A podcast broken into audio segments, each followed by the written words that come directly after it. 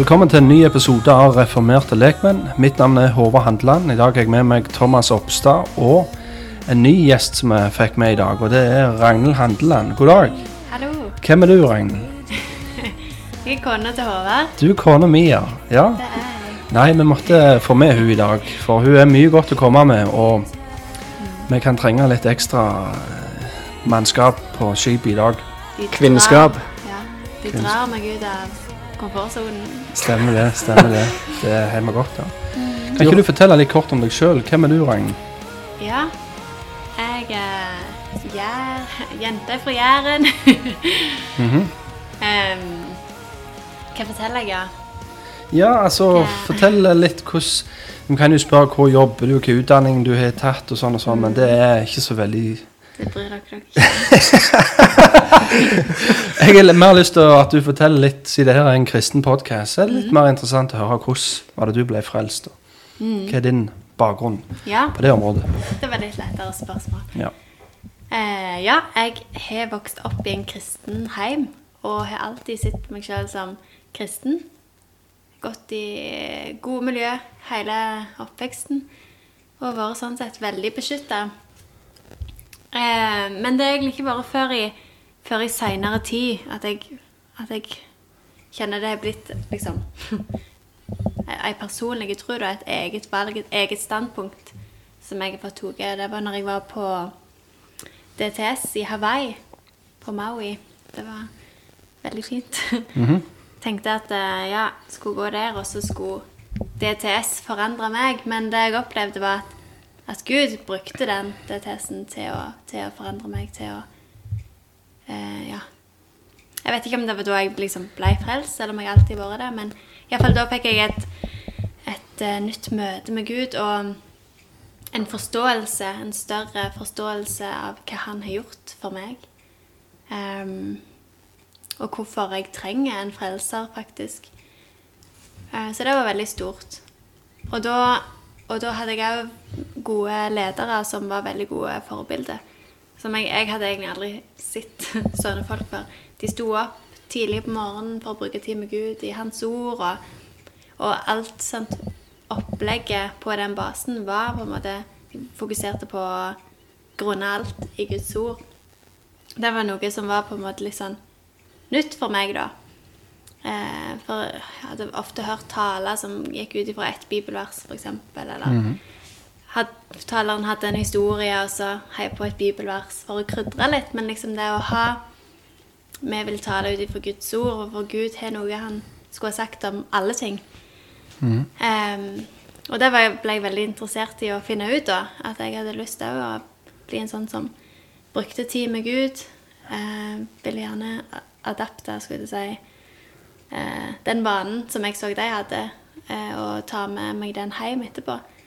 Eh, så det var en stor velsignelse for meg da, til å bli, bli bedre kjent med Gud, bli bedre grunnfesta i Hans ord. Um, ja. Hvordan eh, Altså, DTS, hva, hva, hva er det det er for noe? Og det er vel et ganske svært opplegg, det der. Ja, det kan du si. Eh, det står for Disippel treningsskole. Du òg, Thomas, har vært på Yes. DTS. Ja, hvor du var hen, Thomas? Jeg var på Sola. Du var på Sola, Ja. ja. Og liksom organisasjonen i seg sjøl er jo veldig sånn frie, så hver base er veldig Ops, mikrofonen dette. Er veldig individuelle. Um, så ja, så jeg vil si jeg tror jeg var veldig velsigna med å komme på en, en solid base. Altså Hvis jeg ser tilbake nå, så er det nok ting som jeg ikke hadde slukt like rått. Eh, men alt i alt så hadde jeg en veldig god opplevelse, og, og jeg tror jeg var veldig heldig med, med å havne med solide ledere og solid lederskap. Eh, men jeg har jo hørt andre historier og andre folk som har vært på baser der de helst har kommet lenger vekk fra trua. Og det har vært så store forhold at det ikke, ting har ikke blitt fanga opp. Og så har de måtte, ja, passet på andre som sliter veldig med rus, f.eks., som ikke er blitt oppdaga. Så ja, jeg tror det kan være veldig mye bra, men òg- litt usunt, om jeg kan tørre å påstå det. ja. Uh. Jeg har faktisk ganske mange forskjellige historier fra ungdom i oppdrag og de forskjellige basene jeg har hørt. Jeg tror det var i Australia en gang. Da var det et ganske ekstremt tilfelle der det var et ektepar så tok en DTS i hopet. Mm. Og så endte det opp med da, i løpet av DTS-en at uh, mannen i det ekteskapet da, han fant seg en annen mann. Oi. Eh, og da ble du hevet ut av DTS-en og sånn, da. Så det er litt av noen historier fra ungdom i oppdragssammenheng. Stemmer. Ja, nei, vi skal få høre mer fra deg, Ragnhild. Det Ja. var en fin oppsummering, syns jeg. Okay. Um, Mindre du har noe mer? Nei, ikke, kom på. Nei, du må jo, Det viktigste var jo at når du kom hjem, så fant du jo meg. Ja, det er det viktigste.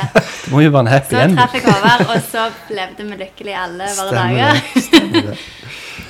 Og Håvard er den heldigste her. Det er nok det. Du gifta deg, du gifta deg godt der, Håvard. Det er jo mest så at Ragnhild eh, går i eh, fremmed åk med vantro, helst. okay. Nei, da er jeg bare å tulle. Det, Ja, det var bare tøys. Kunne man ikke tulle. Jeg skal Ja, vi, vi er jo en eh, Reformerte lekmenn er en kristen podkast som tar opp aktuelle og kontroversielle og teologiske temaer som ofte ikke blir snakket om fra en talerstol.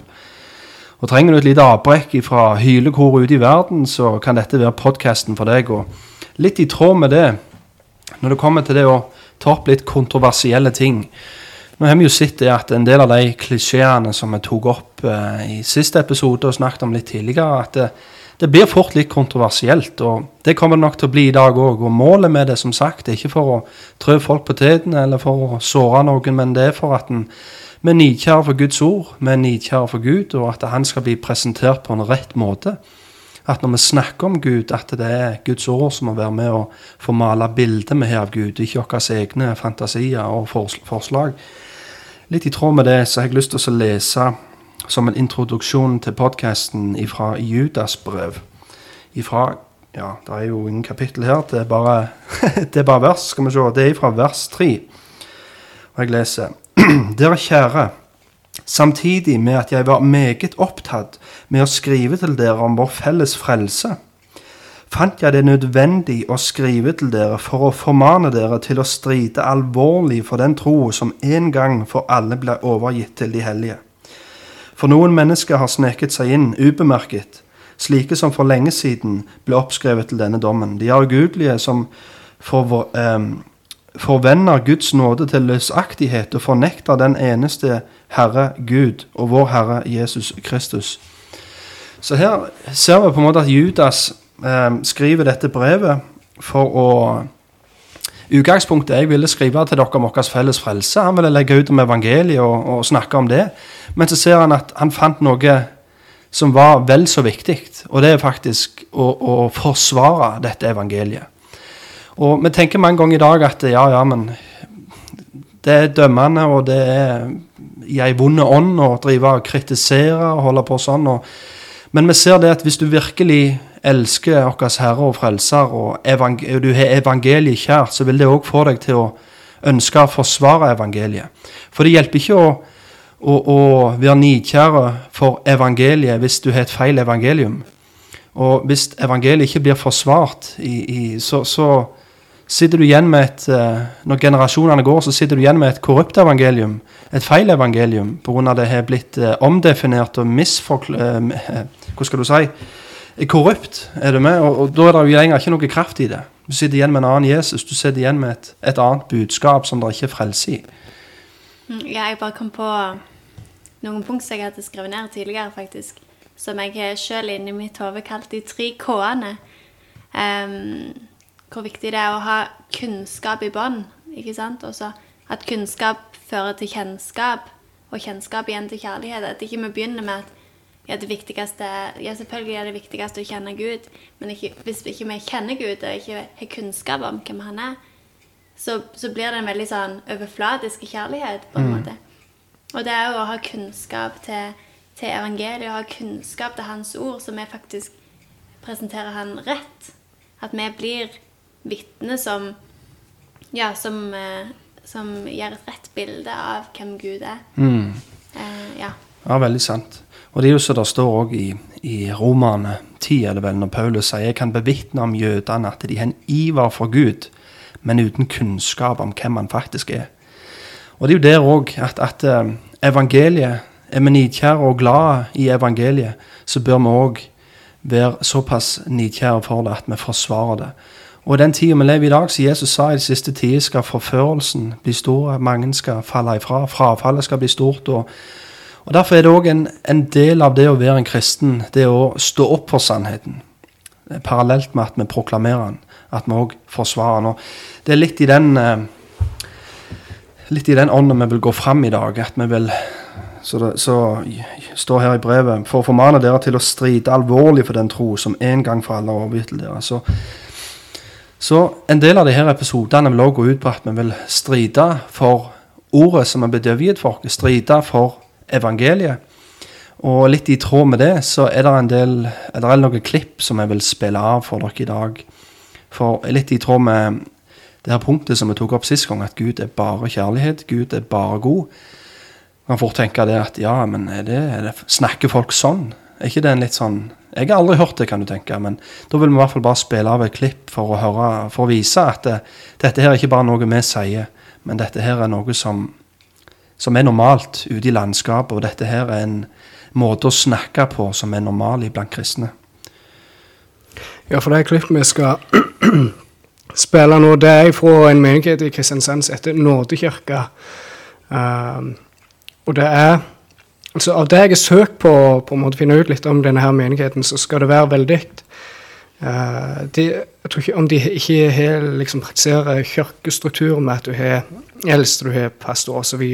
Det skal være litt som ei slags bare huskirke. Mm. Uh, og det er veldig uh, non-denominational, om man kan si det sånn. Altså det på en måte holde seg vekk fra alt som heter om det er luthersk pinse osv. Ikke at det i seg selv er målet, men uh, på en måte at en gjerne gir til en litt andre veien at vi skal for all del holde dere vekk ifra det, på en måte. Mm. Men iallfall, vi skal spille et klipp her uh, av uh, Og før du spiller klippet, så vil jeg bare si en ting. Vi sa i noen tidligere episoder, jeg tror det var siste episode, sa vi at bak de her klisjeene så ligger det en helt verdensbilde. At det ikke bare er et uskyldig ord, men det, det er bare toppen av isfjellet, om du vil. At når det her sitatet blir brukt, så når vi får snakke mer og grave litt mer og spørre hva er det som ligger bak at du ender opp med å bruke de her ordene, så vil vi fort se at oi, her er det et helt system. Og det tror jeg vi skal få se når vi spiller det av. Bare før vi spiller av, så kommer vi på det. Altså når det gjelder folk med, eller eh, pastorer med dårlig teologi, så er tingen mange ganger så du vil ikke Det er ikke lett å merke. For mange av de er ekstremt gode formidlere. Og de har mange gode måter å si ting på, og på en måte hva skal jeg si, skjule mm. litt av sine feil, om du vil. Uh, og det hjelper på en måte ikke altså Ja, men de brukte jo Bibelen. Ja, ja, men det handler om å bruke Bibelen rett. Mm. Um, de er utrolig oppriktige ofte. Ja. Ikke sant? Mm. Da kan vi bare gå i gang og vise det klippet. Kjør på.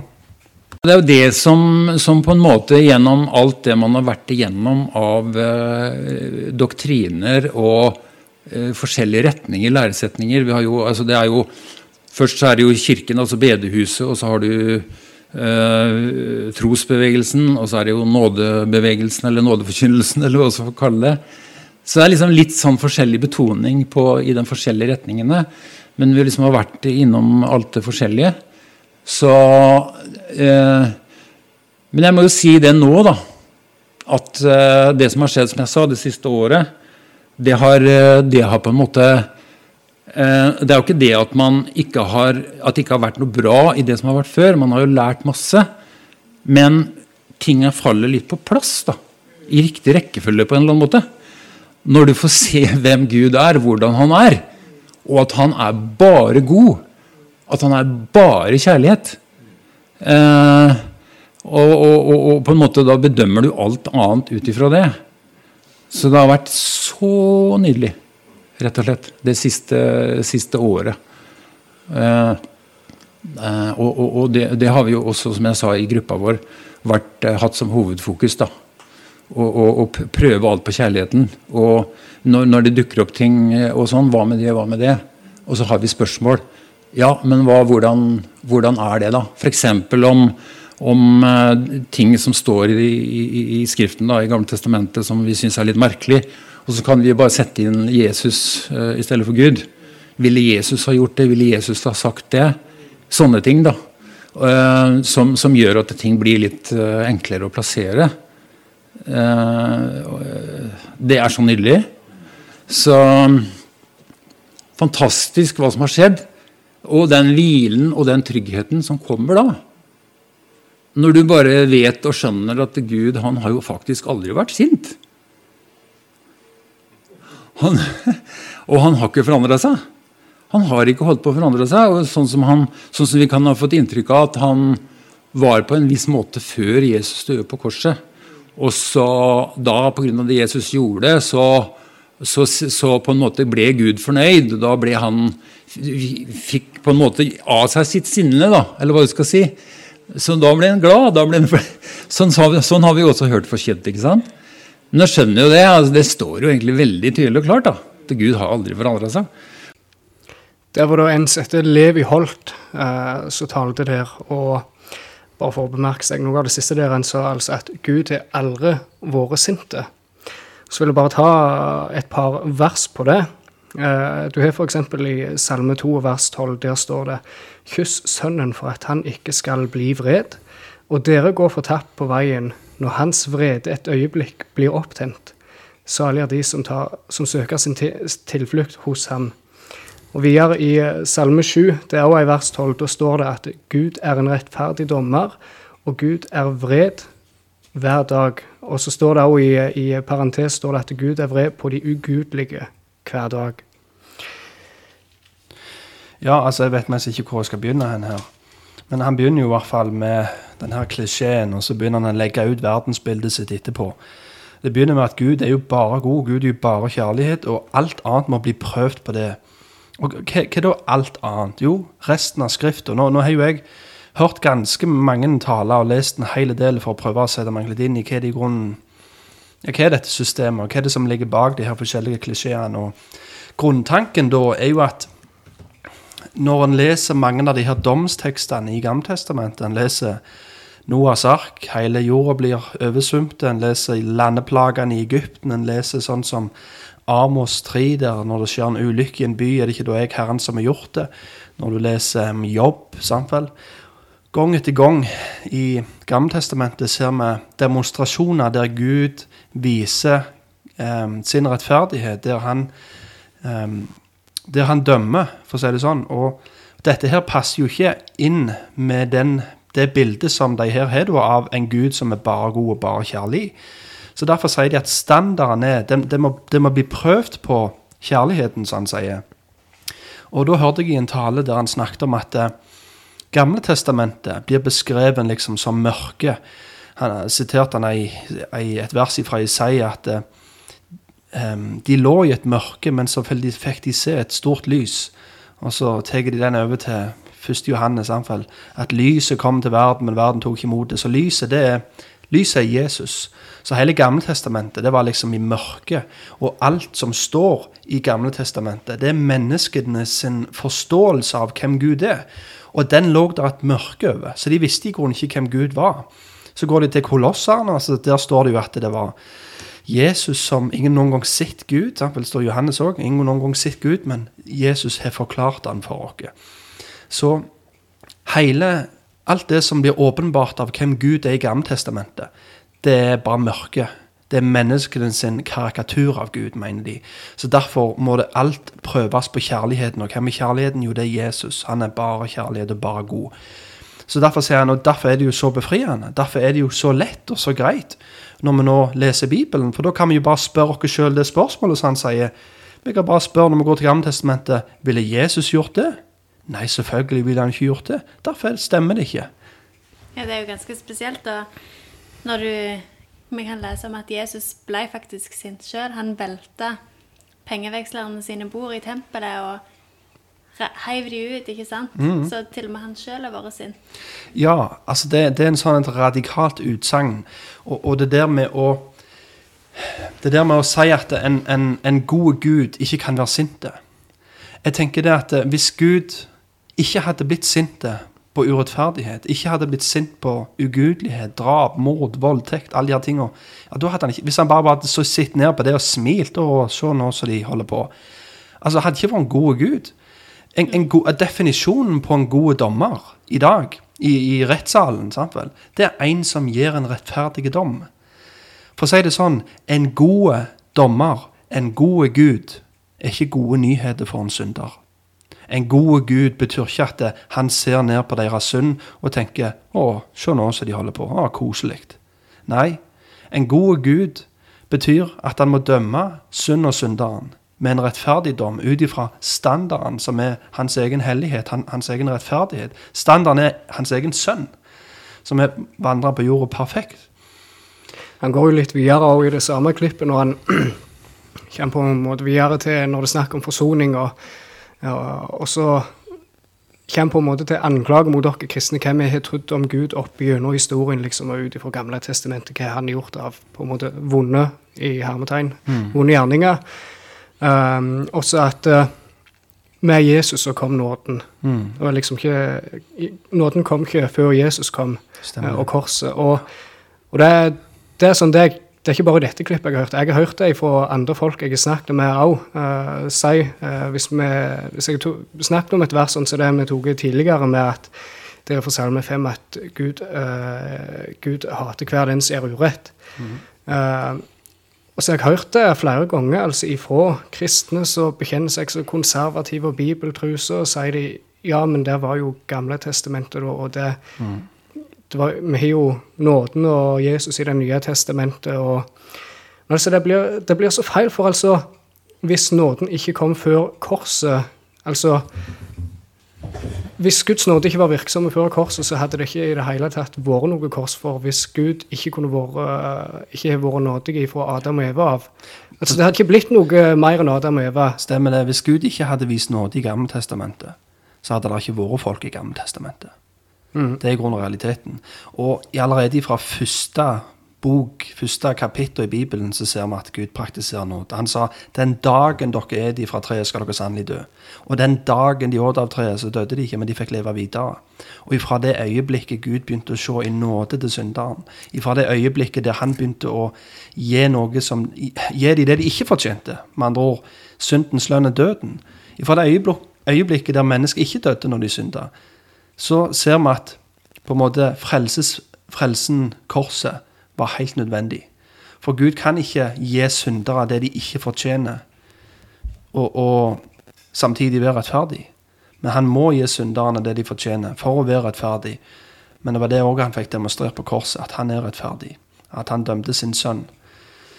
Um, og jeg, jeg tenker òg, hvis en sammenligner En tenker ikke så veldig ofte det, ofte over det, men standarden i Gammeltestamentet sant? Fra Adam Eva, da var det ett et bud. Syndens lønn er døden. Men hvor mange synder? Allikevel døde de ikke. Sant? Kain drepte Abel. Han fikk leve videre. Gud satte et seil på hodet hans. De som rører han, de skal han straffe sju ganger. Sant Og så videre, når vi kommer til Moses, så er det litt over 30 synder som blir gitt dødsstraff. En ufattelig reduksjon fra syndens lønn er døden, generelt all synd død, til nå er det noen og 30 synder som skulle bli dømt med døden. Men allikevel, gang etter gang. Sånn som sånn så, den som driver hår, han skal dø. Eller den som tilber andre guder, han skal dø.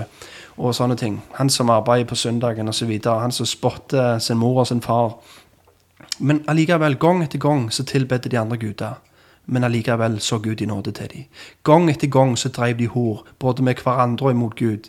Men så så han i nåde til dem. Så det å, å miskarakterisere Gamletestamentet som at nei, det var lov det var det. Da får vi bare se den harde guden. Hvis ikke vi ser nåden i Gamle Testamentet, så har vi ikke lest Gamle Testamentet. Det er i hvert fall sånn jeg vil si det. Amen. Men for å se litt mer på dette her systemet som ligger bak de her klisjeene, så kan ikke du For vi, vi gikk vel Du sendte meg en link, Thomas, der de hadde en nokså de la ut en evangeliepresentasjon. For det er jo klart, hvis, hvis du tar vekk Guds vrede, du tar vekk en Gud som dømmer, han tar vekk Guds rettferdighet, du sitter igjen med bare godhet Gud er bare god, Gud er bare kjærlig. Da er spørsmålet hva slags evangeliepresentasjon får du da? Kan ikke du lese den, Thomas? Ja, dette er fra uh, Nådekirkas Facebook-side, der det var en som la ut. Da leser jeg. Er det virkelig slik? Går man på et kristen møte, kan man gjerne høre følgende.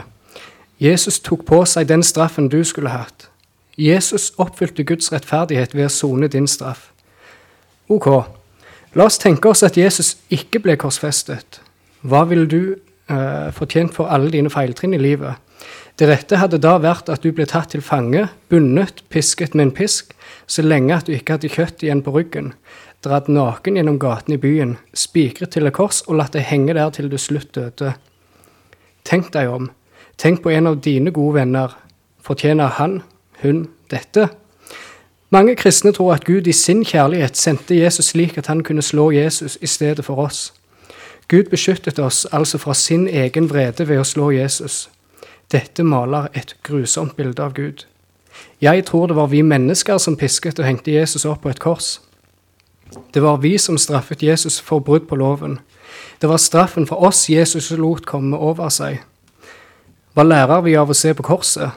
Ja, vi ser Guds reaksjon og rett handling mot våre gale, våre gale handlinger. Vi ser hvordan Gud reagerer på våre feil. Men det vi ser, er ikke at denne reaksjonen er vrede, straff, hevn og slå med sykdom, pisking, dreping osv. Nei, dette er ikke Guds reaksjon mot, eh, mot til å med våre verste handlinger. Når vi gjør det verste vi kan finne på mot Gud, ikke tro at han er Gud, håne han, ønske han død, piske og torturere han og henge han opp på et kors for å dø, da reagerer Gud med å være ubetinget tilgivende mot oss. Han ser oss inn i øynene idet vi slår spikeren gjennom hans hender. Og alt vi ser der, er hans ubetingede kjærlighet og tilgivelse. Vi ser Guds reaksjon på korset. Ikke vrede og straff, men kjærlighet og tilgivelse. Det her er i grunnen en ordrette motsetning til den evangeliepresentasjonen meg og deg la fram. Og det er så interessant liksom, når han sier at det, det er vi som straffer Jesus. jeg bare tenker på hva som eh, står i Apostelens gjerninger, kapittel 2, vers 23. Eller jeg tar fra 22. Israelittiske menn, hør disse ord. Jesus fra Nasaret, en mann Gud utpekte for dere ved kraftige gjerninger, under tegn som Gud gjorde ved ham midt iblant dere, slik dere selv også vet, etter at han var blitt overgitt etter Guds fastsatte rådslutning og forhåndviten, tok dere ham ved lovløse hender og korsfestet ham og drepte ham. Og i Apostelens gjerninger, kapittel 4, vers 27. For i sannhet, de samlet seg sammen mot din hellige tjener Jesus, han som du salvet, både Herodus, Pontius Pilatus, sammen med hedningen og Israels folk, for å gjøre det som din hånd og ditt råd på forhånd hadde bestemt skulle bli gjort. Og litt den her at Når en ser på korset, en ser ikke en Gud som på en måte dømmer sin sønn. En ser i grunnen bare at det er kun mennesket. Det er kun mennesket som håner og piske og skade sin egen sønn.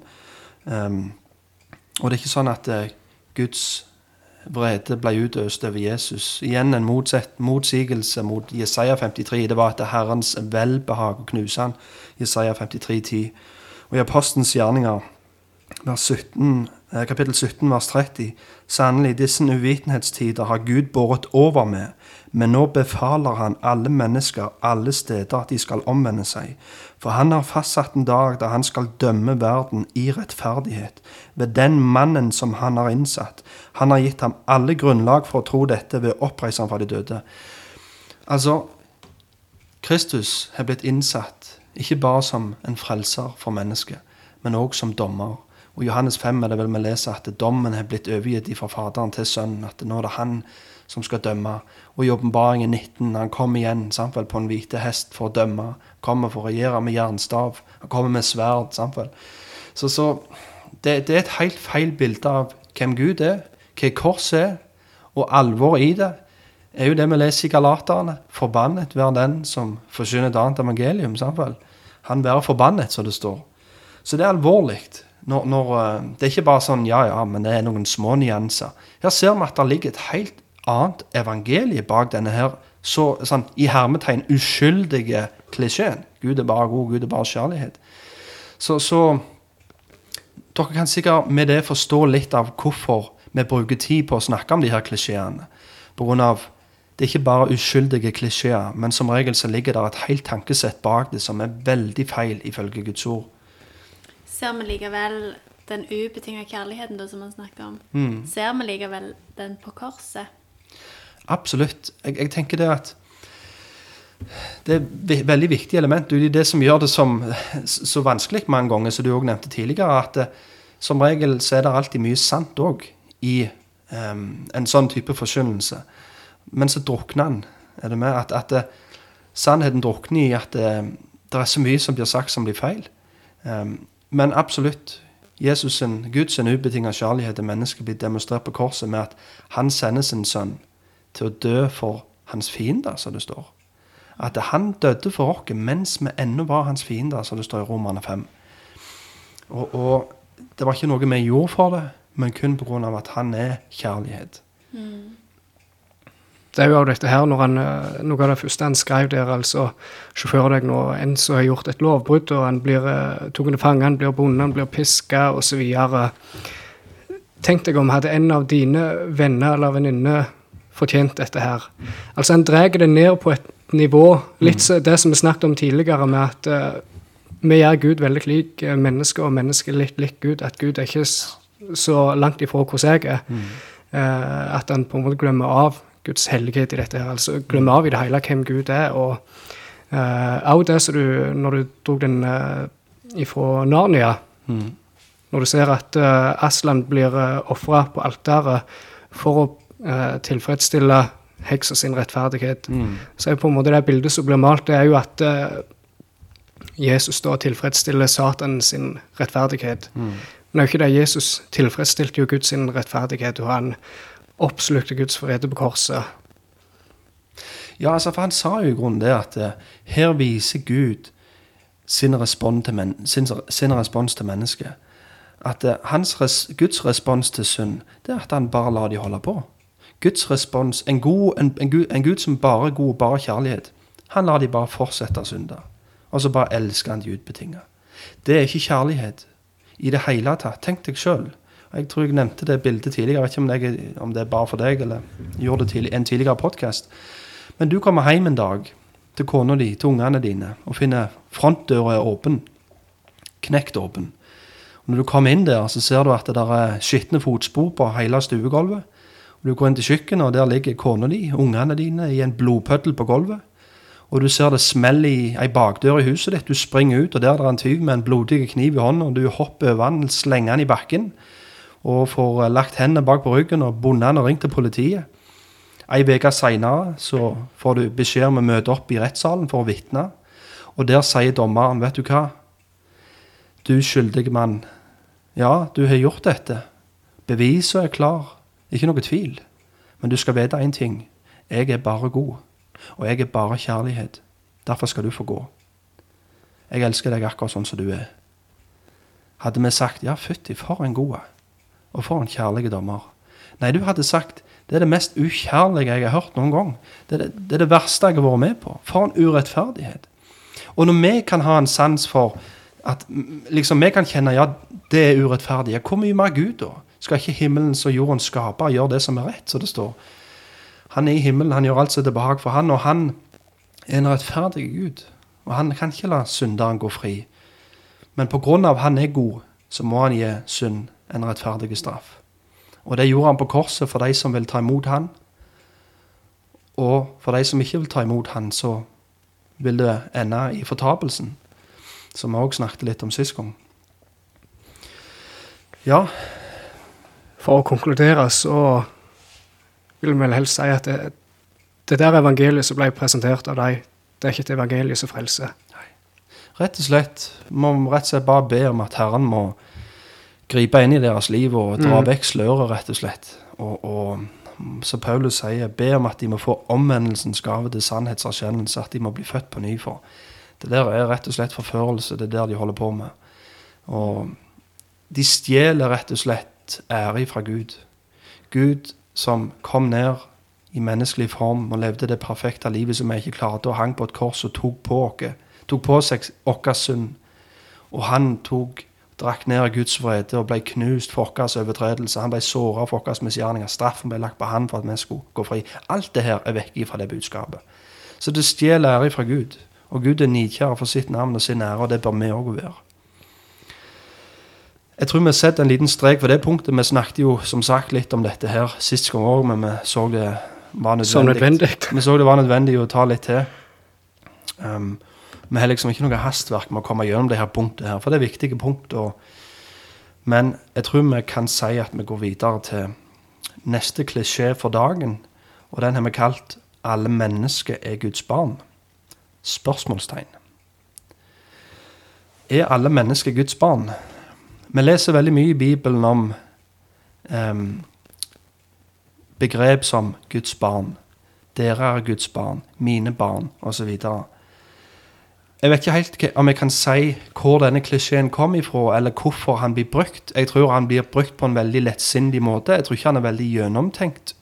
Jeg tror det er en klisjé som bare blir brukt veldig sånn En tar den lett på tunga, en tenker ikke veldig over hm, stemmer dette her med Guds ord. For det er en ting som veldig ofte blir sagt. og Jeg hørte til og med en ateist som sa til meg jeg kunne aldri tro på den der guden din, for han gjør forskjell på, på ungene sine.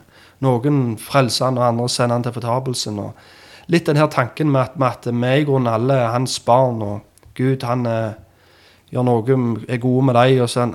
Litt, litt den her tanken, da.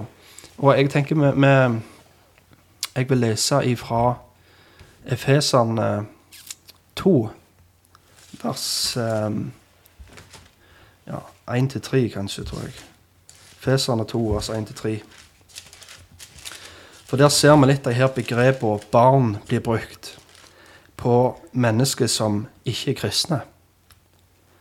Også dere gjorde han levende, dere som var døde i deres overtredelser og synder, de som dere en gang vandret i, etter tidsånden i denne verden, etter fyrsten over luftens makt, den ånd som nå er virksom i ulydighetens barn.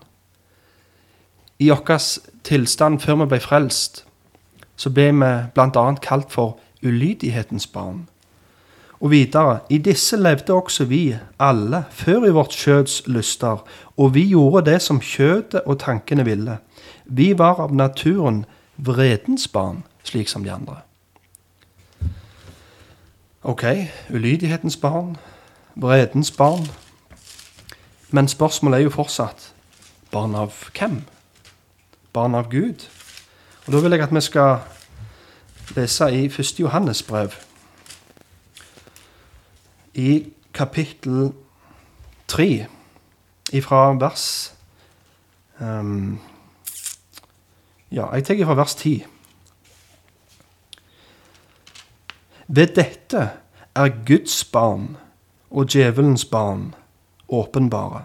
Hver den som ikke gjør rettferdighet, er ikke av Gud. Heller ikke den som ikke elsker sin bror. For dette er det budskapet dere hørte fra begynnelsen, at vi skal elske hverandre. Så her ser vi ved dette er Guds barn og djevelens barn åpenbare. De som gjør rettferdighet, er Guds barn. De som elsker brødrene, som vi ser i, i kapittel litt tidligere, i vers 2.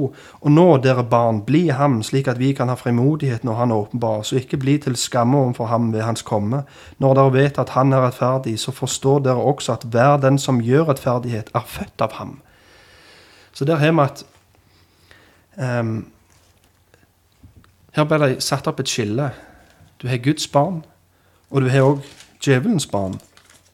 Og Jeg vil bare fortsette med, med noen bibelverser i Johannes 8. Og Da leser vi Jesus som er i en konfrontasjon med jødene. Og vi leser fra kapittel 8, vers 37. Jeg vet at dere er Abrahams ett, men dere søker å drepe meg fordi mitt ord ikke har noe rom hos dere. Jeg taler det jeg har sett hos min far og dere gjør dere det dere har sett hos deres far. De svarte og sa til ham, Abraham er vår far. Jesus sa til dem, Hvis dere var Abrahams barn, ville dere gjort Abrahams gjerninger, men nå forsøker dere å drepe meg, et menneske som har fortalt dere sannheten, som jeg har hørt fra Gud. Abraham gjorde ikke slik. Dere gjør deres fars gjerninger. Da sa de til ham, Vi blir ikke født i hor, vi har én far, Gud. Jesus sa til dem, Hvis Gud var deres far, hadde dere elsket meg, for jeg er utgått ifra Gud og kommet hit. Jeg er heller ikke kommet av meg selv, men Han sendte meg. Hvorfor forstår dere ikke min tale? Fordi dere ikke er i stand til å høre mine ord. Dere er av deres far, djevelen, og dere vil følge deres fars lyster. Han var en morder fra begynnelsen og står ikke i sannheten, for det er ingen sannhet i ham. Når han taler løgn, taler han ut ifra sitt eget, for han er en løgner og løgnens far. Men fordi jeg taler sannhet, tror dere meg ikke. Så her blir det lagt fram ganske så klart hva Bibelen sier om hvem som er hans barn, og hvem som er djevelens barn. Og sannheten blir i grunnen det at nei, alle er ikke hans barn, men de som tror på han. Så står Johannes 1, for alle den som tok imot ham, ga han rett til å bli Guds barn. Og bare et annet siste vers her. Nå blir det mye vers, men det er veldig viktig at det, det vi sier, og det vi tror på, må strømme ut ifra Skrifta. I Roman 8, eh, vers 14 For så mange som blir ledet av Guds ånd, de er Guds barn.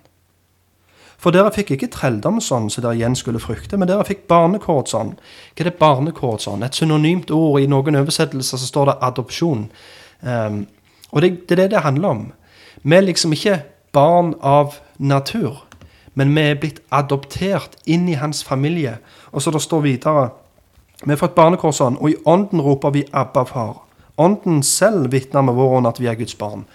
Så nå har vi i Kristus, med å ta imot Han, med omvendt og tro på evangeliet, så har vi blitt adoptert inn i Guds familie, der Kristus er vår bror, og han er vår far, eh, Gud vår far. Og nå har vi barnekår. Og nå blir vi regna som hans ekte sønner. Så det vil jeg si blir en mer rett måte å snakke på. At eh, Gud er alles Gud. Jesus er alles herre. Det er ikke sånn at vi gjør han til herre, men han er alles herre. En dag så skal de bøye kne for han og bekjenne at han er, han er herre om de vil eller ikke. Men vi som kristne har gjort det nå, mens vi lever. Bekjenner han som herre og Jesus som Gud, og, og, ja, som Gud og fad, Faderen som Gud. Um, så Gud er alles Gud, om de tror på han eller ikke. Jesus er alles herre, om de vil bekjenne det eller ikke. Så er det sånn, altså, Som med mange av de andre klisjeene, så er det uh, det at vi må definere det rett. Mm. Litt som vi snakket om i siste episode med 'du er god nok som du er'. Altså, hva er, mening, hva er tankegangen bak det utsagnet? Er det uh, at du er god nok som du er, liksom uh, god nok for Gud, og på en måte god nok for himmelen i deg sjøl? Eller er du, at du er god nok til å kunne frelses? På en måte at klisjeene blir så diffuse og udefinerbare. Så det, og nå leser du jo en eh, god eh, del passasjer som virkelig definerte forskjellen på hvem som er djevelens barn, og hvem som er Guds barn. Eh, så at det ikke Det må defineres rett. Og Som vi pleier å si, som jeg liker veldig godt, hvordan skal vi da, hvis vi skal bytte den ut, hvis vi skal gi den en kristen, bibelsk terminologi, hvis vi skal bruke åndelige ord for å snakke om åndelige ting, hva skal vi da si istedenfor 'alle er Guds barn'? Jeg vil kanskje komme med et forslag og si at de som tror på Jesus og han som herre og frelser, de er Guds barn. Eller som, Jesus, som det står jo i 1. Johannes, for alle den som tok imot ham, de er Guds barn. Og de er født. Samtidig. Ikke av mannsvilje, ikke av kjøtsvilje, ikke av blod, men av Gud. Og Jakobs brev, fordi han ville født han oss. Sant vel? Vi er blitt født av han. Eh, har du noen tanker rundt det temaet? Nei, kort og godt, jeg òg tenkte. Den som tror, Stemmer det. er Guds barn. Johannes definerer det veldig godt. Stemmer det. Nei, men det var veldig fint. Jeg tror vi tar neste punkt. Du har tomrom i hjertet som kun Gud kan fylle. Take it away, Ragnhild. Ja, nei, nå er det lenge siden jeg har hørt det, men Men du har hørt det? kanskje- Ja, jeg kan nok det. Ja. Eh, Det er en sånn tanke at du har egentlig det aller meste på plass, men det er en liten sånn, et lite hull, en liten puslebrikke om du vil, som mangler. Men ellers er det komplett, på en måte. Eh, Det blir veldig feil, for um, uten, uten Gud, eller uten Jesus, så mangler vi alt, ikke sant? Mm. Eh, Det er når vi er i Han, det er da vi Det er da alt blir i orden. Ehm, ja. Hva er det Bibelen sier om hjertet? ja, før vi blir frelst, så har vi et hjerte av stein, ikke sant? Og når vi når vi blir frelst, når vi blir født på ny, så bytter han ut steinhjertet. Vi får et hjerte av kjøtt eh, som lever for han. Så realiteten er i grunnen det at vi ikke bare har et hull i hjertet, men vi trenger faktisk et helt nytt hjerte. Det er ganske kult se altså, hvordan Bibelen selv beskriver menneskehjertet både i Gamle testamentet og i Nye testamentet. og For å ta ifra Jeremia, f.eks., i eh, kapittel 17 vers 9, så står det Hjertet er mer svikefullt enn noe annet. Det kan ikke leges. Hvem kjenner det? Og hvis vi går nye, eh, nye, nye testamentet, i uh, Matteus 15 og vers 18 utover, da er det Jesus sjøl som sier eh, Men det som går ut av munnen, kommer fra hjertet, og det gjør et menneske urent. For ut fra hjertet kommer onde tanker, mord, ekteskapsbrudd, hor, tyveri, falskt vitnesbyrd, bespottelser. Disse ting er det som gjør et menneske urent, men å spise med uvaskede hender gjør ikke mennesket urent. Så her ser vi Jesus, sjøl eh, som sier om menneskehjertet hvordan det faktisk er. Så han er rett og slett en kirurg som må faktisk ut med det gamle og inn med et nytt. På grunn av det gamle ikke brukende. Så er det jo klart Det er jo på en måte en slags metafor, om du vil. Det er jo ikke en bokstavelig sånn at du får en ny eh, blodpumpende muskel i, i kroppen din når du blir frelst. Men Bibelen snakker om hjertet som høgsete for den du er. Det er liksom, Se for deg en liten mann som sitter og styrer spakene og får deg til å gjøre alt det du gjør. Det er hjertet ditt. er du med? Bibelen bruker ofte hjertet og tanken litt synonymt. Det står at sånn mannen tenker i hjertet sitt, sånn er han. Så mange ganger i, i en jødisk kontekst så blir eh, hjertet synonymt med sånn du tenker. Så med andre ord, hele forstanden din, sånn du tenker, sånn du er, det blir forvandla. Det er ikke så, liksom som sa tidligere, at det er ikke som det her puslespillet at eh, du har i grunnen 99 brikker, du mangler bare én. Men realiteten er at du holder på å pusle på feil spill. Du, må- du må begynne å pusle på ny. liksom, Du må ha et nytt spill. Du, du, du mangler hele puslespillet, om du vil. Em, ja. Og så er det vel litt tanken som ligger bak, da. Det er vel å appellere litt til at ja, vi er skapt i Guds bilde.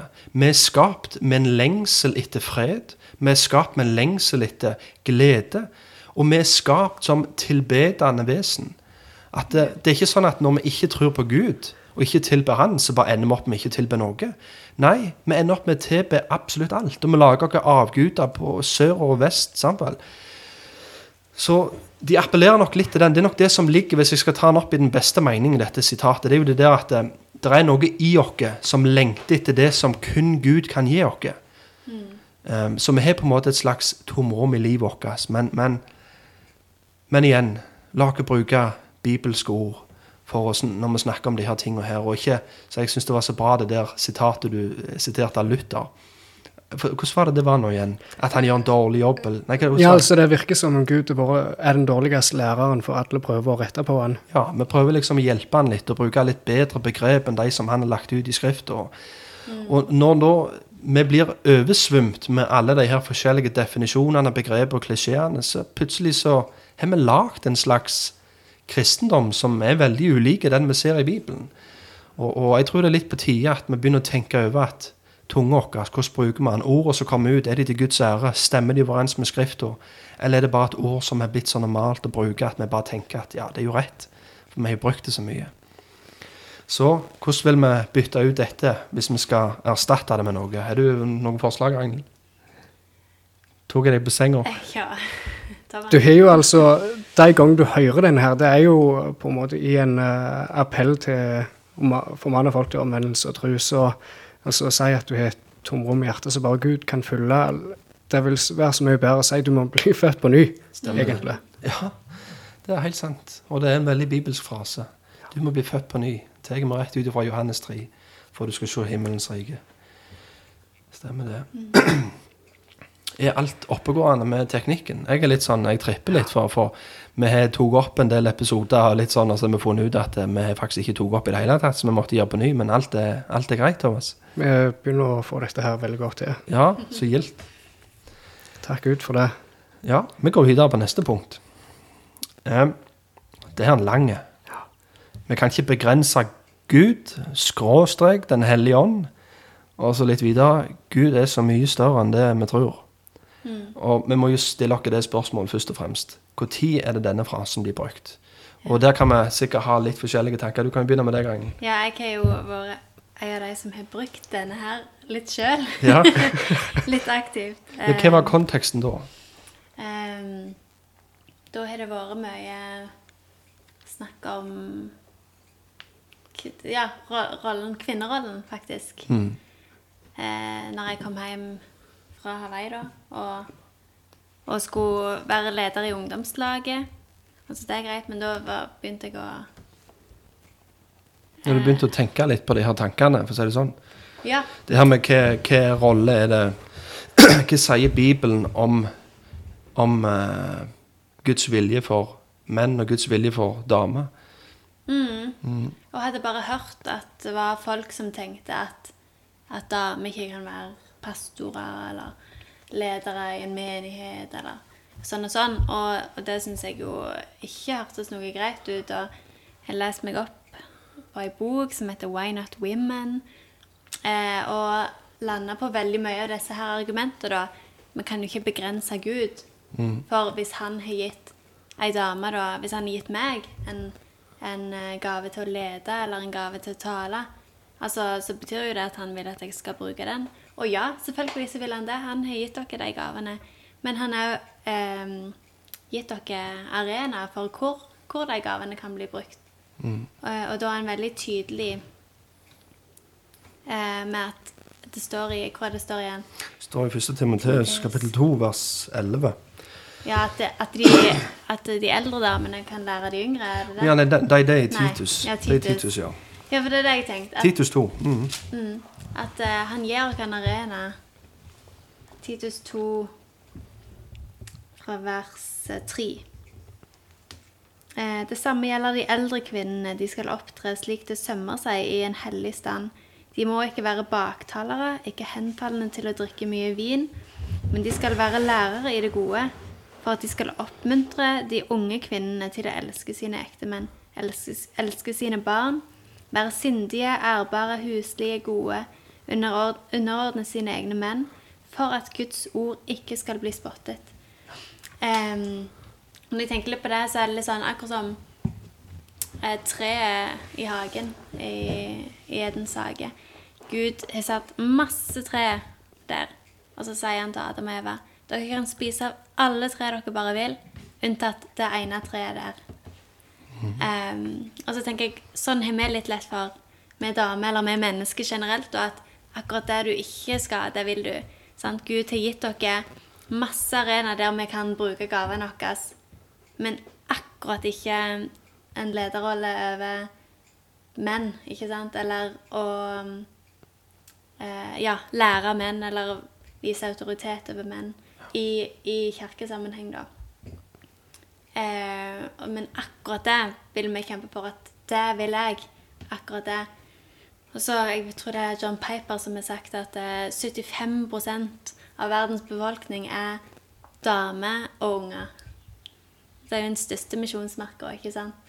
Men der vil vi ikke. Vi vil på en måte ha vær over mennene. Og, ja, eller en blanda forsamling. Og vi tenker, hvis vi kunne ha brukt den gaven i, med, med damer og med unger, så hadde det jo vært kjempestort behov for det.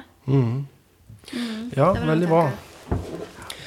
Jeg tror vi skal Vi tenker oss utforske litt dette her temaet her. For det er jo litt sånn Når du først toucher inn på det, så, så er det jo et stort tema. Der er veldig mye meninger, forskjellige meninger i det kristne landskapet. og vi vil prøve å trå varsomt og være gode arbeidere som deler opp ord på rett måte, som det står. Um, men jeg kjenner i hvert fall, når det kommer til dette her temaet òg, så, så, så er det jo fort En blir litt sånn her en, eh, kort i nakken. Får litt sånn Oi, hvordan Svett i pannen. ja, sant vel, men nå, nå må vi være forsiktige her, for her, er, her kan vi trå folk på tærne. Men, men jeg vil bare som et utgangspunkt, før vi begynner å utforske dette temaet enda mer, så vil jeg bare lese det som står i Lukas 9, vers um, ja, 26. For hver den som skammer seg over meg og mitt ord, han skal menneskesønnen skamme seg over når han kommer i den herlighet som tilhører ham selv, hans far og de hellige engler. Og det kjenner jeg er ufattelig befriende, for Ja, det er en del ting som, og temaer som står i Skrifta som er vanvittig radikalt i den tida vi lever i nå. Um, men vi er ikke kalt til å bli forma av tidsånda. Vi er ikke kalt til å tilpasse Guds ord til tida vi lever i. Men vi er kalt til å tilpasse oss Gud og Hans ord. Gud er uforanderlig. Det er ikke sånn at han tilpasser seg kulturen, men kulturen og menneskene må tilpasse seg han og hans ord. Og jeg kjenner det at vi kan være enige i dag og si nei, jeg skammer meg ikke over Gud. Jeg skammer meg ikke over Jesus og nei. Men vi gjør det med, oss, vi gjør det med at vi enten ikke um, tør å snakke om visse temaer i Bibelen. Vi gjør det med at vi fokuserer bare på visse aspekter av Guds ord, og så utelukker vi en hel del av andre vers som vi syns er vanskelige. Så det er en sånn praktisk fornektelse av en del sannheter i Skrifta. Men jeg kjenner i hvert fall det er veldig, eh, veldig befriende å si nei, vet du hva. Jeg skammer meg ikke over det eneste temaet i Skrifta. Og vi kan tenke at det er jo vanvittig radikalt å snakke om mannens rolle, kvinnens rolle og hva Guds vilje er for det, og i hvert fall i den tida vi nå. Hvordan tør vi det? Det handler om å frykte Gud mer enn den frykter mennesket. Vi, vi, driver ikke med dette vi gjør her for å gjøre, Gud, for å gjøre mennesket til lags, men vi gjør det for å ære Gud, for å spre mer kunnskap om Hans ord, og for å skape en større gudsfrykt iblant Hans folk. Og med det så tenker jeg at vi kan jo begynne med å lese denne teksten som er, oftest blir sitert i denne sammenheng, i 1. Timoteus kapittel 2. Og gå litt gjennom den teksten og prøve å spørre oss sjøl noen andre forklaringer er det som er der ute i det kristne landskapet når det kommer til denne teksten. Jeg kan ta fra vers 11. En kvinne skal la seg lære i stillhet i all underordning. En kvinne tillater jeg ikke å lære eller ha myndighet over en mann, men å være i stillhet. For Adam ble formet først, så Eva. Og Adam ble ikke forført, men kvinnen ble forført og falt i overtredelse. Likevel skal hun, skal hun bli frelst ved barnefødsel, og dersom de holder fram i tro, kjærlighet og hellighet med selvtukt. Det første en ofte hører når en kommer til denne teksten her, det er jo dette argumentet Ja, ja, men det er jo skrevet i ei annen tid. Det er kulturelle argumentet, om du vil. Nå lever vi i ei annen tid, og etikken i Bibelen den er jo progressiv. Sant? Fra Gamle testamentet så var det jo ting de gjorde da som ikke ble praktisert i Nye testamentet. Så du ser hele veien at det er en utvikling i hva som er greit og ikke greit. Og det må jo ikke stoppe med Paulus, for Paulus han talte jo liksom til den etikken og moralen som var på sin tid. Og da, samtidig, da var jo damene de var ikke så skulerte. De eh, kunne jo ikke lese. Samtidig, De var i grunnen ganske analfabeter, det var mennene som hadde utdanning og sånn. Så derfor går de veldig inn i kulturen og det det var på den tida der, og så blir det hovedargumentet for damene skal ikke lære, for de har ikke peiling, med andre ord. Så Paulus blir stempla som en mannssjåvinist der. Mm. At han eh, ja, blir stilt i et sånt lys at han i grunnen var med på å undertrykke damer, og så kommer Jesus og virkelig får sette dere fri med at Eh, nå er det ingen forskjell. Så blir det her verset i Kolossene sitert. Eh, har du det før deg der, Dora Engel? Nei, det er vel i Galaterne. Galaterne. Galaterne 3, vers 28. Det har jeg brukt mye. Ja. Her er ikke jøde eller greker. Her er ikke slave eller fri. Her er ikke mann og kvinne. Dere er alle én i Kristus Jesus. Det er kjempesanne ord, eh, men det er ikke snakk om hvilken rolle eh, vi skal være i. Men dette er snakk om frelsen, ikke sant? hvor vi står hen i frelsen. Og verdien, om du vil. sant? Vi er alle, vi er alle den samme verdien i Jesus. Mm. Eh, Paulus bruker aldri det argumentet at ei dame får ikke tale fordi hun er mindre verdt. Det mm. sier han aldri. Men sånn som, som du har lest i, i 1. Timoteus 2, eh, så står det jo i i vers 13. Han argumenterer ikke ut ifra kulturen, som du sier, men han argumenterer helt tilbake til skapelsen. Mm. For Adam ble skapt først, og så Eva. Eh, så da på en måte forsvinner litt det argumentet med at ja, ja, men det var i annen tid. Mm. Nei, for Paulus argumenterer ikke ut ifra den tida. Ja. Han argumenterer helt tilbake til verdens grunnleggelse av. Mm. Ja, han argumenterer eh, helt tilbake til før syndefallet. Mm. Når Gud så ned på jorda og sa det var godt. Mange tenker kanskje det der at eh, hele konseptet med at mannen er autoritet i heimen og hode i heimen og sant, det her som blir sagt til, til konene og damene, at de skal underordne seg sine menn, at det var noe som liksom var et resultat av syndefallet og sånn og sånn. Men dette her var noe som ble etablert lenge før syndefallet. Det ble etablert i skapelsen. Gud skapte det sånn, og han så på det etterpå og sa det var godt. Men, som vi leser videre òg, en del av forbannelsen. Sant? For så vi leser at, at eh, kvinnens lyst skal være til mannen, men mannen skal råde over henne. Og, og det ordet 'lyst' der, det òg ser vi igjen i eh, kapittelet rett etterpå. Når Gud snakker med Kain, så sier han ehm, Synden Nei, vet du hva? Jeg skal ta og slå det opp så jeg får det ordrett. Ehm, det er i kapittel Kapittel 4, i vers 7. Og når Gud snakker til Kain etter han har drept sin bror. Har du gått i sinnet, kan du ikke da se frimodig opp? Men hvis du ikke har gått i sinnet, ligger synden på lur ved døren. Dens onde lyst vil fange deg, men du skal herske over den. Akkurat det samme som på en måte blir sagt som et resultat av forbannelsen, så skal kvinnens lyst stå til mannen, men han skal herske over henne.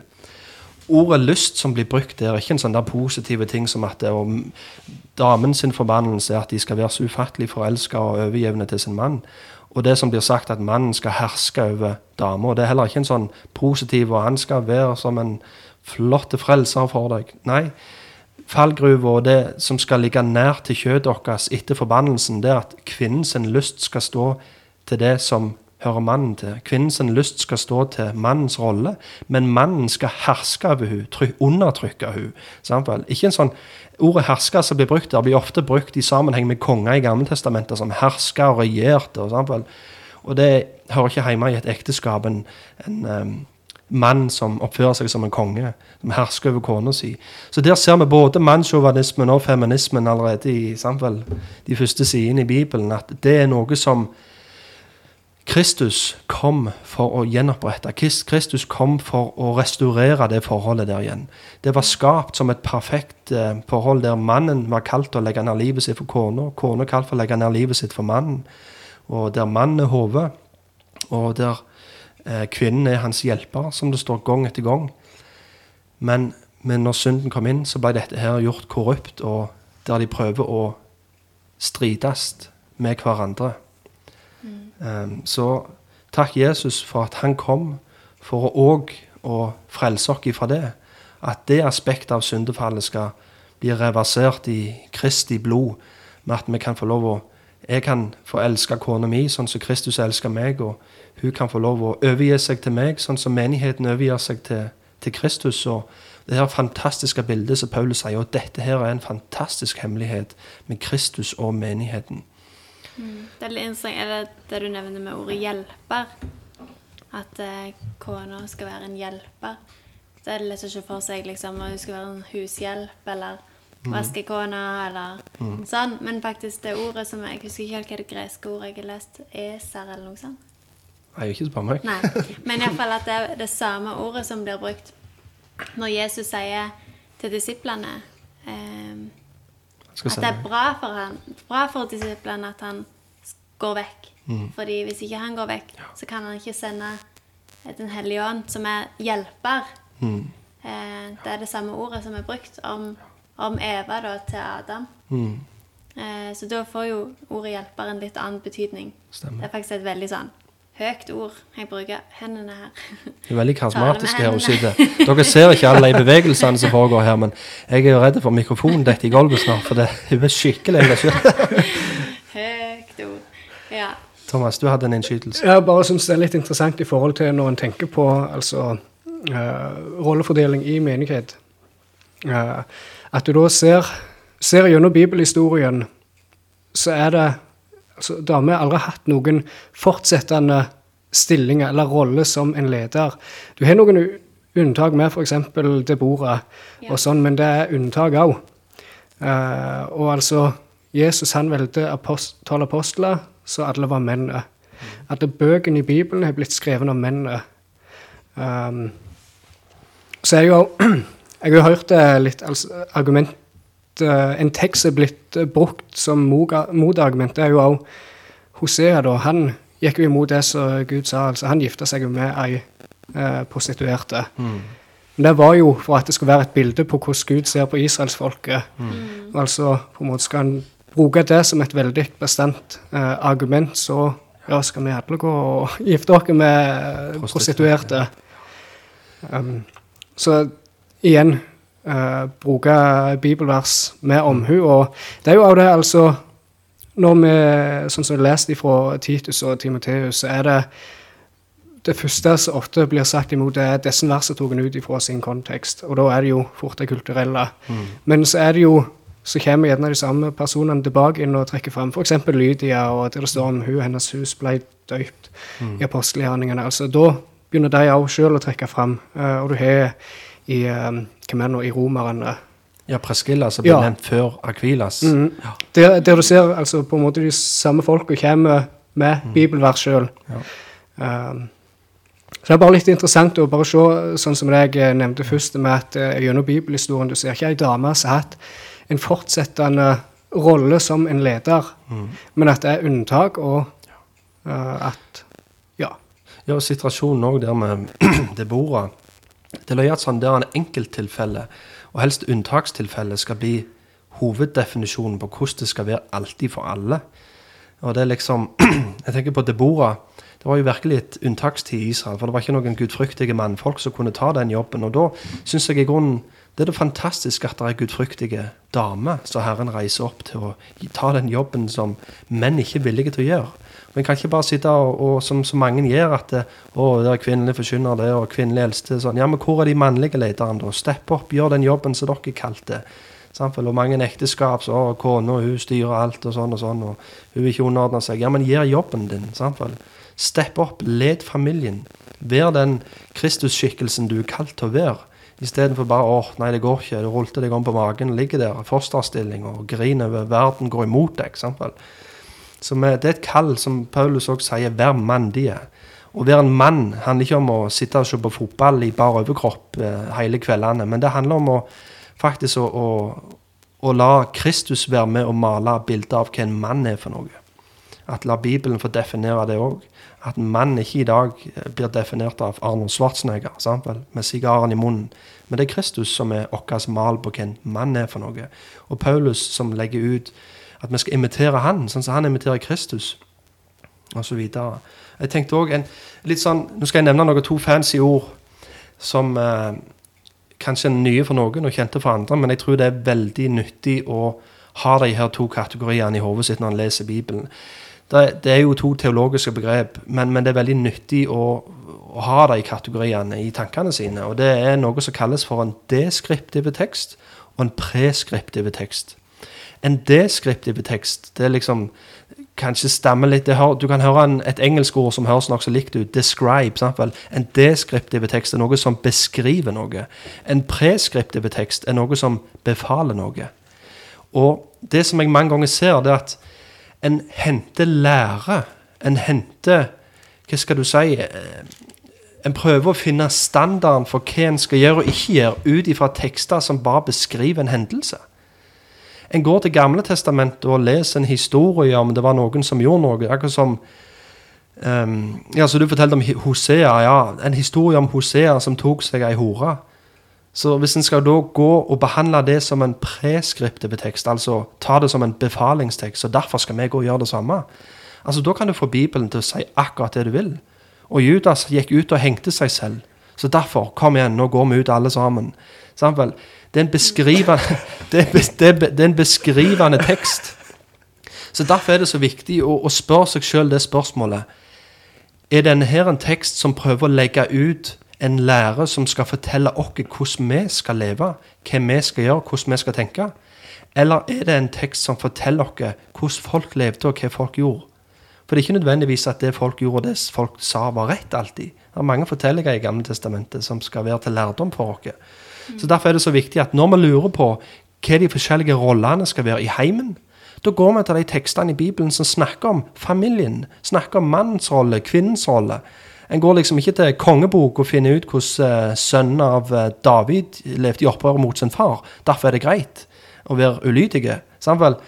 En, en må gå til de tekstene som snakker om familien i Nytestamentet for å finne ut hvordan vi skal leve i dag. Og det samme med dette temaet òg. Når vi lurer på hva manns rolle og kvinnens rolle er, da går vi der det blir lagt ut. Og da har vi det som kalles for pastoralbrev i Bibelen. sant? Har første og andre Timoteus og Titusbrev, som gir oss instruksjoner for menighetsliv. Hvordan vi som menighet skal leve overfor hverandre, og hva oppgavene til lederne er. Og som vi ser i Timoteus, så står det at en av kvalifikasjonene for en pastor eller en leder i forsamlinga, er at han skal være en kvinnes mann. Samtidig. At det, noe av det første det begynner med, at det skal være menn i flertall som leder forsamlingene. Og damene, som Ragnhild leste tidligere i Titus, det står de skal være gode lærere. Men så blir det igjen, som vi også nevnte, der blir lagt ut rammer for hvor den læren skal foregå, og hvem som skal bli lært. Og så igjen det her 70 da. Så det er nok av Det er en stor nok arena for alle å få praktisere og utfolde gavene sine som de har fått. Det blir ikke noe begrensa. Jo, altså, nå har vi jo Da er jeg litt med tanke på akkurat det vi snakker om nå, til at vi har deg med, Ragnhild. For det er jo litt greit for uh, dere som hører på, å kunne høre dette her ifra uh, et kvinnes perspektiv. Eh, og det er noen ting jeg uh, bare lurer litt på, da, enkelt og greit. Uh, når det gjelder Dere er jo med i en menighet der det ikke blir der det ikke har kvinnelige eldste eller pastorer. Føler du da at du på en måte blir undertrykka? Føler du det gjerne i ekteskap? Eh, føler du at eh, du med dine ambisjoner, dine drømmer, blir undergravd? For det er jo ofte det en hører som argument for damer skal få være uh, eldste. Det er at uh, de må jo få sitt gudgitte potensial ut. Ja, og nå er det jo til og med det er fort at det går rykte òg, når vi er i en menighet som praktiserer sånn, at ja, for der er det sånn at eh, damene må gå to meter bak mennene, og de må sitte bakerst, eller de må sånn og sånn. Jeg har hørt at det har vært litt sånne rykter. Eh, men jeg ja, absolutt ikke den opplevelsen av å bli undertrykt. Og det kan jo være en sånn misforståelse at ordet underordning blir forveksla med undertrykka eller underkua. Eh, og det er absolutt ikke den opplevelsen vi har. Eh, det er ikke bare at det blir forveksla, det, det blir egentlig det samme. Det blir synonymt. Ja, I mange sine ører gjør det det, ja. Ehm, nei, men absolutt ikke. Jeg vil jo våge å påstå at vi damer er veldig viktige for, for menigheten. Um, og vi har så mange andre ting vi kan bidra med, om ikke vi må stå på talerstolen og legge ut dagens tekst, ikke sant? Vi kan gå opp og dele vitnesbyrd. Vi kan lese en tekst eh, som, som vi har fått sett litt ekstra den uka, eller eh, Vi kan be høyt så mye vi vil. og lede i lovsang og Hæ? Og evangelisere. Ja, og evangelisere, ikke sant? Sånn som vi ser i Bibelen òg, at Jesus eh, Den første han adresserer når han har stått opp fra de døde, det er Maria Magdalena som han sier 'Gå og fortell det til alle de andre', ikke sant? At jeg er stått opp. Første evangelisten Ja. etter oppstandelsen. Ikke sant? Ehm, og i tillegg alle disse damene som dere snakket om, ikke sant? At det, um, det, er, det er veldig lett å tenke, eller bare fokusere på det vi ikke skal. Men kan vi snu det, liksom, og fokusere på det vi faktisk er kalt til? For vi er alle kalt til å til å dele evangeliet. Og det, altså, det trenger jeg å vokse i. Jeg syns det er kjempeskummelt og kunne gjerne ønske at bare mennene kunne gjøre det, for det er jo kjempeskummelt og ubehagelig. Um, men at vi Ja, at vi må faktisk fungere der vi skal. Eh, og òg i um, Nå bare babler jeg litt.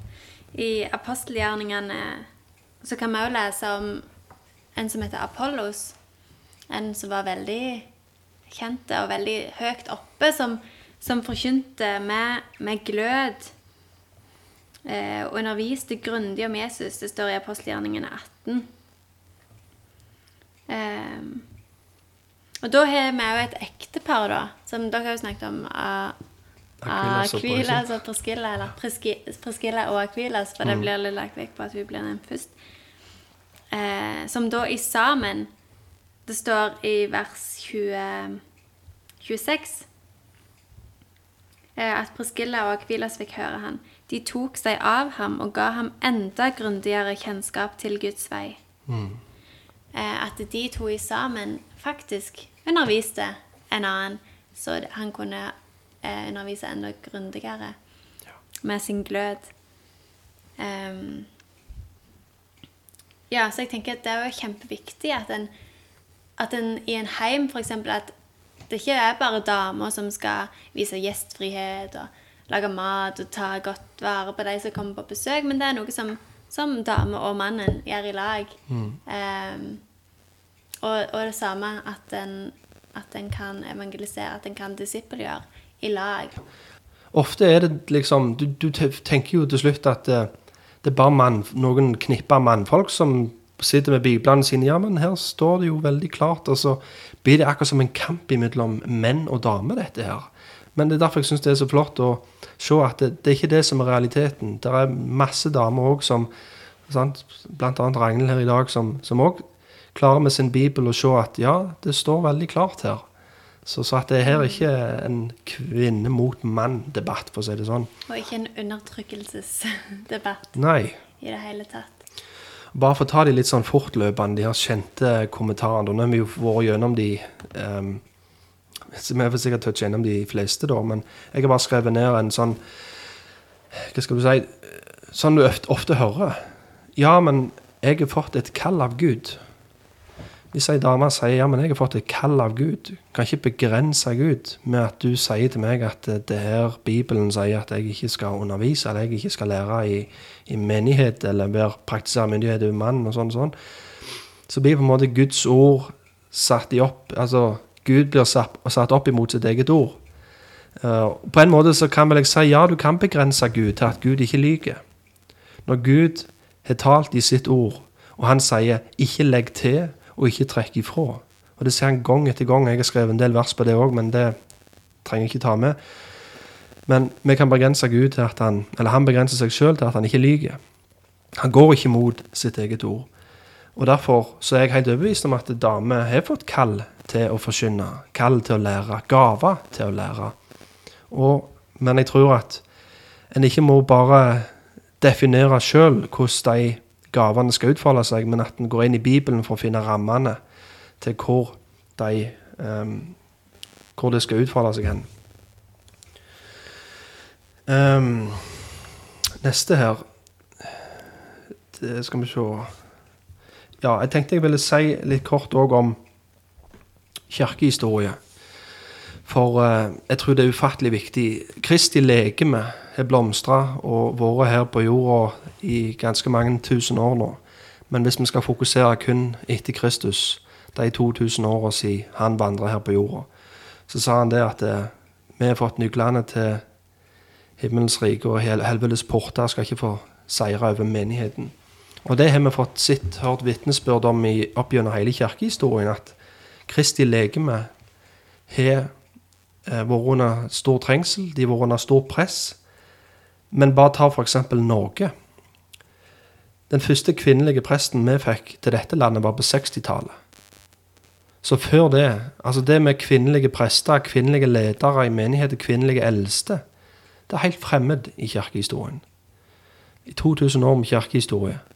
Så tenker jeg det at, så er det sånn vi kommer nå i, i sant, 2019, i denne nye tida som vi lever i nå, så er det som at det er nå vi har forstått hva Bibelen sier. 2000 år med kirkehistorie, de hadde ikke peiling. Det blir på en måte en sånn skikkelig hovmodig måte å tenke på. At en tenker at visdommen ble født med oss, og når vi dør, da fins han ikke lenger. At vi ser så ned på de som har gått før oss. Vi ser så ned på de Kristi legeme som har gått og bant opp veien vår fra før. Og så sier vi grunnen ja, vi vet at i 2000 år med kirkehistorie så har det aldri vært praktisert. Men nå, det er jo bare for at de har misforstått Bibelen. Det er jo at de har sett helt feil. Så jeg tror at Den hellige ånd bodde i dem òg, og de òg hadde sin bibel, og de leser den samme teksten som vi leser, bare at vi lar oss prege av omgivelsene våre. Vi lar oss prege av tidsånda istedenfor Den hellige ånda. Jeg tror det er vanskelig å snakke kort om dette. Det er det. Det er sikkert mye vi kunne sagt, og mye vi kunne lagt vekk på. Jeg tror Vi må sikkert runde litt av òg. Vi kommer hjem på nå. Langt er vi kommet. Nå er vi på, uh, på innspillinga her nå en time og fem minutter. Ja. Oh, ja. Oh, jeg følte meg satt i to timer. Nei. Nei, det er ikke noe Jeg føler det er viktig at vi liksom ikke tar noe snarveier på dette her. Jeg tror vi må prøve å få med flest mulig nyanser, for å si det sånn. For at det skal bli Det er et vanskelig tema å snakke om, og, og vi vil nok aldri få kunne lagt ut alle aspekt som går an, men i senere episoder så tror jeg nok vi kommer til å komme tilbake igjen til de her temaene og utforske enda mer. Og, og jeg tenker bare på det der med å Det å si at det er noe mannen kan gjøre som ikke dama kan gjøre, det blir automatisk å begrense Gud og si at nei, Gud er mye større enn det. Ja, så blir det da rett å si at siden damer kan føde unger, mann kan ikke, så blir det òg å begrense Gud. Samtidig. Men selv naturen forteller oss at vi er forskjellige. Sånn vi er skapt, sånn vi er lagd. Det er ting damer kan gjøre som mann ikke kan gjøre. Og så er det òg oppgaver Gud har gitt til mannen som han vil mannen skal gjøre, og så er det andre oppgaver han har gitt til dama. Og jeg tror at eh, når vi kan glede oss i det, når vi kan se det står der, takke Gud for han vet best, han er skaperen, vi menneskene, og det er han som har skapt oss, og når vi da innordner oss hans vilje og hans eh, forordning og hans skaperordning, så tror jeg òg det er virkelig da vi vil kjenne at velsignelsene kommer. Jeg tror det er mye velsignelser som blir holdt tilbake på grunn han gjør det. Hver mann gjør det som er rett i sine egne øyne. Nå tror jeg vi sier at vi er ferdige med klisjeene fra i dag. Vi fikk gått gjennom tre ja, to-tre. To-tre. Vi har en god del igjen, så vi kommer til å fortsette en del med de her klisjeene. Ragnhild, du Jeg bare tenkte Hvis det var noe som var litt uklart, eller sånn, hvis noen har spørsmål, så er det jo bare til å sende inn på, på den eh, e-postadressen dere har. Husker du den? Reformerte lekmenn, krøllalfa.gmail.com. Stemmer. Det var, det var. Og nå er vi jo ute på Spotify òg. Det var jo en gledens nyhet. Det er jo en fantastisk arena å komme ut på. Så følg dere gjerne der. Subscribe, som det heter. Men nå må vi komme inn i det segmentet som vi har hver gang. Og det er jo dagens anbefaling. Vi begynner med deg, vår Skal vi ha dagens befaling, da, sånn som vi begynte med sist? Det kan vi òg. Jeg kan ha en befaling. Befaling. Jeg befaler alle å eh, høre på en podkast. Og den er OK, da, jeg befaler ikke, fordi at den er egentlig beregna til damer. Siden vi nå i dag snakker om, snakker om det. Men det er veldig mye det er veldig mye solid og bra som jeg tipper menn òg hadde hatt godt av. Men det blir kanskje litt sånn der en nussete. for dere. Feil ord. Nei da. Men eh, en podkast som heter Journey Women Podcast. Eh, vel å merke amerikansk, men eh, vanvittig Hun tar òg opp Hun hosten i, i den podkasten tar opp mange gode aktuelle temaer. Og nå i det siste da, så har de hatt hver uke en ny episode som omhandler temaet kirka, eller ja, The Church, altså menigheten. Eh, og siste episode, som var mandag som var, det var altså om kvinnens rolle i menigheten. Så, så det kan jo være litt sånn oppfølgingsepisode, da. Ja. Eh, Så den anbefaler jeg. Veldig mye solid. Eh, ja. Hvis mennene vil høre på den, så sjekk det ut, men mest, mest for damer, da. Du òg kjøpte jo noen sånne bøker nå nettopp, som er litt, som litt i med Beregna til et kvinnepublikum. Hva var det, Husker du tittelen på den? Let me, jeg Let me be a woman, var det ikke det hun het, den boka? Ja. ja av Elisabeth Elliot. Ja. Og så er det jo men det er jo mer sånn Det er noen brev hun skriver til sin egen datter Ja. før hun dattera skal gifte seg. Aha, ja, ja. Så det er ikke liksom ei bok-bok, men det er en samling av noen brev. Mm. Men uh, veldig oppmuntrende. ja. Det var anbefalinger fra de sida. Ja. Jeg tar meg før deg denne gangen, Thomas, for du Du, du tar helt av. Jeg, jeg, jeg vil anbefale to bøker. Og Den ene boka heter The Excellent Wife, og den andre boka heter The Exemplary Husband. Ragnhild hun vrir seg. Hun er Ja, ikke men det er litt ting som ikke vi likte så godt. Ja. Ja, altså, det er litt sånn Litt amerikansk. Det er litt amerikansk, det, men, men jeg, vil, jeg vil påstå å si at det, det er ufattelig mye lærdom og mye vist Ja. som, som kommer ut fra de bøkene. og Veldig mye spennende om Som handler om ei bok som er skrevet til hva Bibelen sier til damer, og om damer. Hvordan eh, hun skal leve til Guds ære, og det samme for mannen. Hvordan mannen skal tre inn i den rollen som Gud har gitt han, og få gjøre den til Guds ære. Ja, absolutt kjempesolide bøker. Det var ikke at jeg vridde meg sånn. Det var bare sånn, en liten filleting. Sant? Så var det litt mer amerikansk kultur enn det var plent bibelsk. Ja, stemmer det. Jeg vet ikke om jeg trenger å si hva det var, men Nei, nei, finn det ut sjøl hvis du leser boka. stemmer det. ja, Thomas, OK, nå kommer det. Nå, kommer dere, nå har dere gitt ut eh, to gode anbefalinger, så skal jeg komme med en litt useriøse, men det er sånn, vi har litt vel like humor, meg og deg, Håvard. Jeg lar bare av at dere lærer av den. Ja. Merkelige det kan uh, godt være, men vi har uh, likevel løye. Men uh, hvis du vil høre et ganske kort, men et veldig løye videoklipp på YouTube, så vil jeg anbefale dere å søke opp Dan Børge Brekkasei. Dan Børge brekker seg, ja. Dan Børge Aker, han, du har vel hørt den, ja? Jeg vet ikke Vi hvor- det etterpå. Jeg vet ikke hvor mange ganger du har spilt av den der. Åh, den er så god. Og det er så løye. Men det er iallfall Dan Børge Aker, han som var programleder i den store klassefesten og så. Ja. Han er på noe turprogram sikkert som var på NRK, men iallfall. Søk opp Dan Børge Aker Nei, Dan Børge brekker seg på YouTube. Så får du deg en god latter. Tittelen røper litt hva som skjer da, men Stemmer det er det. løye på det. Blir en liten overraskelse uansett. Ja, det Ja. Helt sant. Med det så tror jeg vi sier takk for i dag. Jeg sier takk til Ragnhild som var med. Ja. Takk, Det, Takk vi har lyst til å ha deg. Ja, vi har lyst til å ha deg med flere ganger. Det var veldig gildt. Hun var litt nervøs i stunden og hvordan det her kom til å bli, men jeg syns du, du var kjempegod. Thomas, du òg var veldig flink. Du, Takk skal du ha. jeg er ikke så god å skryte av deg, Thomas, men du er jo en fantastisk kar. Med det så tror jeg vi sier takk for i dag. Ja, ha det. Og så sier vi på gjenhør. På gjenhør. På gjenhør.